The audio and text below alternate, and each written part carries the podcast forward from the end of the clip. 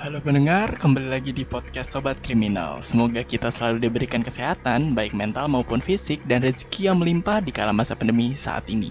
Amin. Dan juga tak lupa dengan moto kita, learn about crime, not be criminal. Belajar kejahatan bukan jadi penjahat. Dengar-dengar, kita akan masuk tatap muka di akhir 2020 ya. Semoga dilancarkan sampai saat nanti ya udah pasti banyak banget nih yang mau masuk dan belajar offline kan? Pastinya, termasuk gue sendiri. Ngomong-ngomong masalah kejahatan pada saat ini. Saat ini kita banyak tahu bahwa jenis kejahatan yang paling lumrah di masyarakat dan belum lama juga ada kasus tentang ujaran kebencian dari salah satu oknum besar karena ada pah pihak yang tidak senang akan kedatangannya. Gue yakin teman-teman juga pasti tahu kan tentang kisah kemarin Oke, kali ini gue akan ngebahas tentang konsepsi tentang hate crime atau kejahatan dengan kebencian karena banyaknya request dari teman-teman juga nih. So, jangan lama-lama dah. Kita masuk ke pembahasan. Oke, hate crime atau biasa disebut juga dengan kejahatan dengan kebencian merupakan kejahatan yang bermotif prasangka yang terjadi ketika pelaku mentargetkan korban baik anggota, individu maupun kelompok sosial dengan tujuan menjatuhkan dengan stigmatisasi buruk. Nah, hate crime ini umumnya itu mengacu pada tindak kriminal yang dipandang bias terhadap satu atau lebih kelompok sosial. Kelompok sosial yang dimaksud sama gue ini kayak meliputi kelompok jenis kelamin, disabilitas, bahasa, kewarganegaraan, tampilan fisik, agama atau kepercayaan tertentu, gender atau orientasi seksual. Nah, tindakan non-kriminal yang dilatar belakangi oleh alasan ini biasanya disebut dengan bias incident atau biasa disebut juga dengan insiden bias. Nah, insiden pada kejahatan kebencian biasanya itu selalu melibatkan serangan fisik kerusakan properti atau vandalisme, perundungan, pelecehan, penghinaan, kejahatan dalam hubungan, dan surat dengan kebencian. Lalu, kejahatan dengan kebencian itu berdampak nggak sih sebenarnya? Berdampak banget guys. Jadi kejahatan dengan kebencian ini, dampaknya ini bervariasi. Ada yang ringan bahkan sampai serius baik fisik maupun psikis. Jadi secara signifikan dan luas gitu. Nggak hanya untuk korban secara langsung ya, kejahatan dengan kebencian ini sendiri juga dapat berdampak kepada orang lain, bahkan kelompok tertentu. Dari buku manual yang dikeluarkan oleh Attorney General of the Province of Ontario di Kanada mencantumkan bahwa dampak kejahatan dengan kebencian diliputi sebagai berikut. Yang pertama, dampak gangguan psikologis dan afektif kepada korban individu.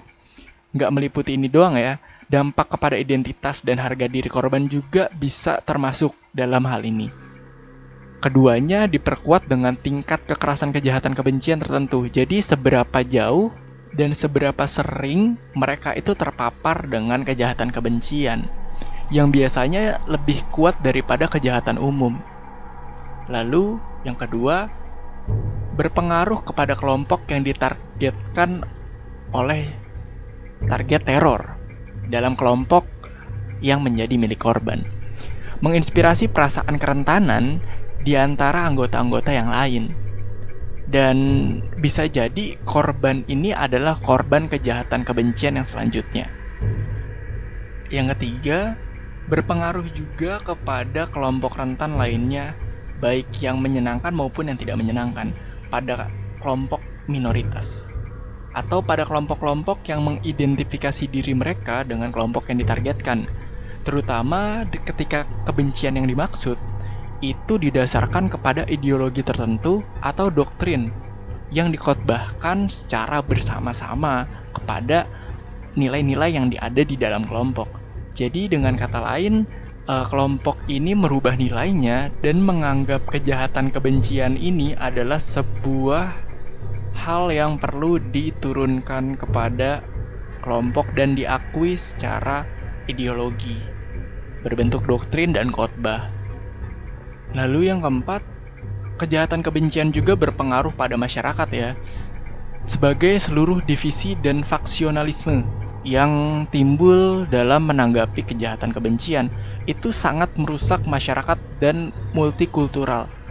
Terakhir adalah kejahatan dengan kebencian atau hate crime menimbulkan korban kejahatan yang dapat menimbulkan depresi dan trauma psikologis secara lanjut. Hal ini adalah dampak serius yang ditimbulkan dari kejahatan kebencian secara langsung. Lalu kita udah tahu nih kira-kira dampak dari kejahatan kebencian itu seperti apa. Nah, kira-kira apa sih motif kejahatan dengan kebencian ini? Menurut penelitian yang dilakukan oleh the United States Federal Bureau of Investigation atau bisa disebut juga FBI tentang motif kejahatan dengan kebencian. Penelitian ini menemukan empat motif. Yang pertama adalah thrill seeking atau bisa disebut juga pencari sensasi. Pelaku terlibat dalam kejahatan kebencian untuk kegembiraan dan drama. Seringkali nggak ada tujuannya gitu loh di balik kejahatan ini dengan korban yang rentan karena mereka memiliki latar belakang etnis, agama, seksual, atau gender yang berbeda dari penyerang mereka. Lalu jenis permusuhan ini yang ada dalam kejahatan kebencian ini semacam ini sangat rendah sih untuk dilihat secara aktual. Namun kejahatan ini yang motifnya mencari sensasi tentunya sering banget ditemukan dalam kondisi yang kritis. Penelitian ini juga mengungkap bahwa 70% kejahatan dengan motif pencarian sensasi melibatkan serangan fisik. Lalu motif kedua adalah motif defensif. Lalu motif kedua orang melakukan tindak-tindak kejahatan kebencian karena keyakinan mereka untuk melindungi komunitasnya. Ini tuh sering banget sih dipicu karena peristiwa latar belakang gitu loh. Nah, pelaku ini percaya masyarakat mendukung tindakan mereka, tapi terlalu takut untuk bertindak. Dengan demikian, mereka percaya bahwa mereka memiliki masa yang banyak dalam tindakan mereka. Nah, biasanya ditunjukkan dengan melakukan aksi secara bersama-sama dan beramai-ramai, namun dalam konotasi yang negatif. Lalu motif yang ketiga adalah retaliatory atau biasa disebut juga pembalasan. Dalam poin ini itu pelaku terlibat dalam kejahatan kebencian karena keinginan untuk membalas dendam. Nah, hal ini juga ditanggapi secara pribadi ya kan. Kejahatan kebencian ini meliputi aktivitas terorisme. Kejahatan dengan pembalasan dendam biasanya terjadi setelah kejadian umum, fenomena yang memakan korban jiwa, baik orang kesayangan, dan lain-lain. Dan setelah hadirnya fenomena terorisme terjadi. Yang akhir adalah mission offender. Biasanya pelaku ini itu terlibat kejahatan kebencian karena alasan ideologisnya. Mereka menganggap diri mereka sebagai orang yang suci, sering kali digunakan dalam tujuan agama maupun ras. Menurut FBI dalam penelitiannya, ini merupakan kejahatan kebencian yang paling langka dan paling mematikan. Karena mereka secara simbolis mempercayai bahwa tidak ada cara lain untuk mencapai tujuan mereka. Yang paling parah adalah mereka melakukan pembenaran atas kekerasan terhadap orang-orang yang nggak bersalah dan orang-orang juga yang tidak seideologi dengan mereka. Nah, setelah kita tahu konsepsi tentang dampak motif dari hate crime, bagaimana kira-kira crime prevention terhadap hate crime ini sendiri? Oke, gua mengutip dari website New York State Police Department, kurang lebih gua membagi menjadi dua fokus, yaitu kepada orang dewasa dan kaum muda. Oke, yang pertama, bagi orang dewasa dapat melakukan pertama, Tetapkan contoh yang baik dengan menunjukkan rasa hormat kepada orang lain melalui tindakan, sikap, dan komentar. Lalu, atur forum untuk memeriksa kemungkinan kira-kira ada kefanatikan maupun kekerasan kebencian di masyarakat. Dan utamakan bertukar pikiran sebagai tindakan pencegahan kejahatan dengan kebencian.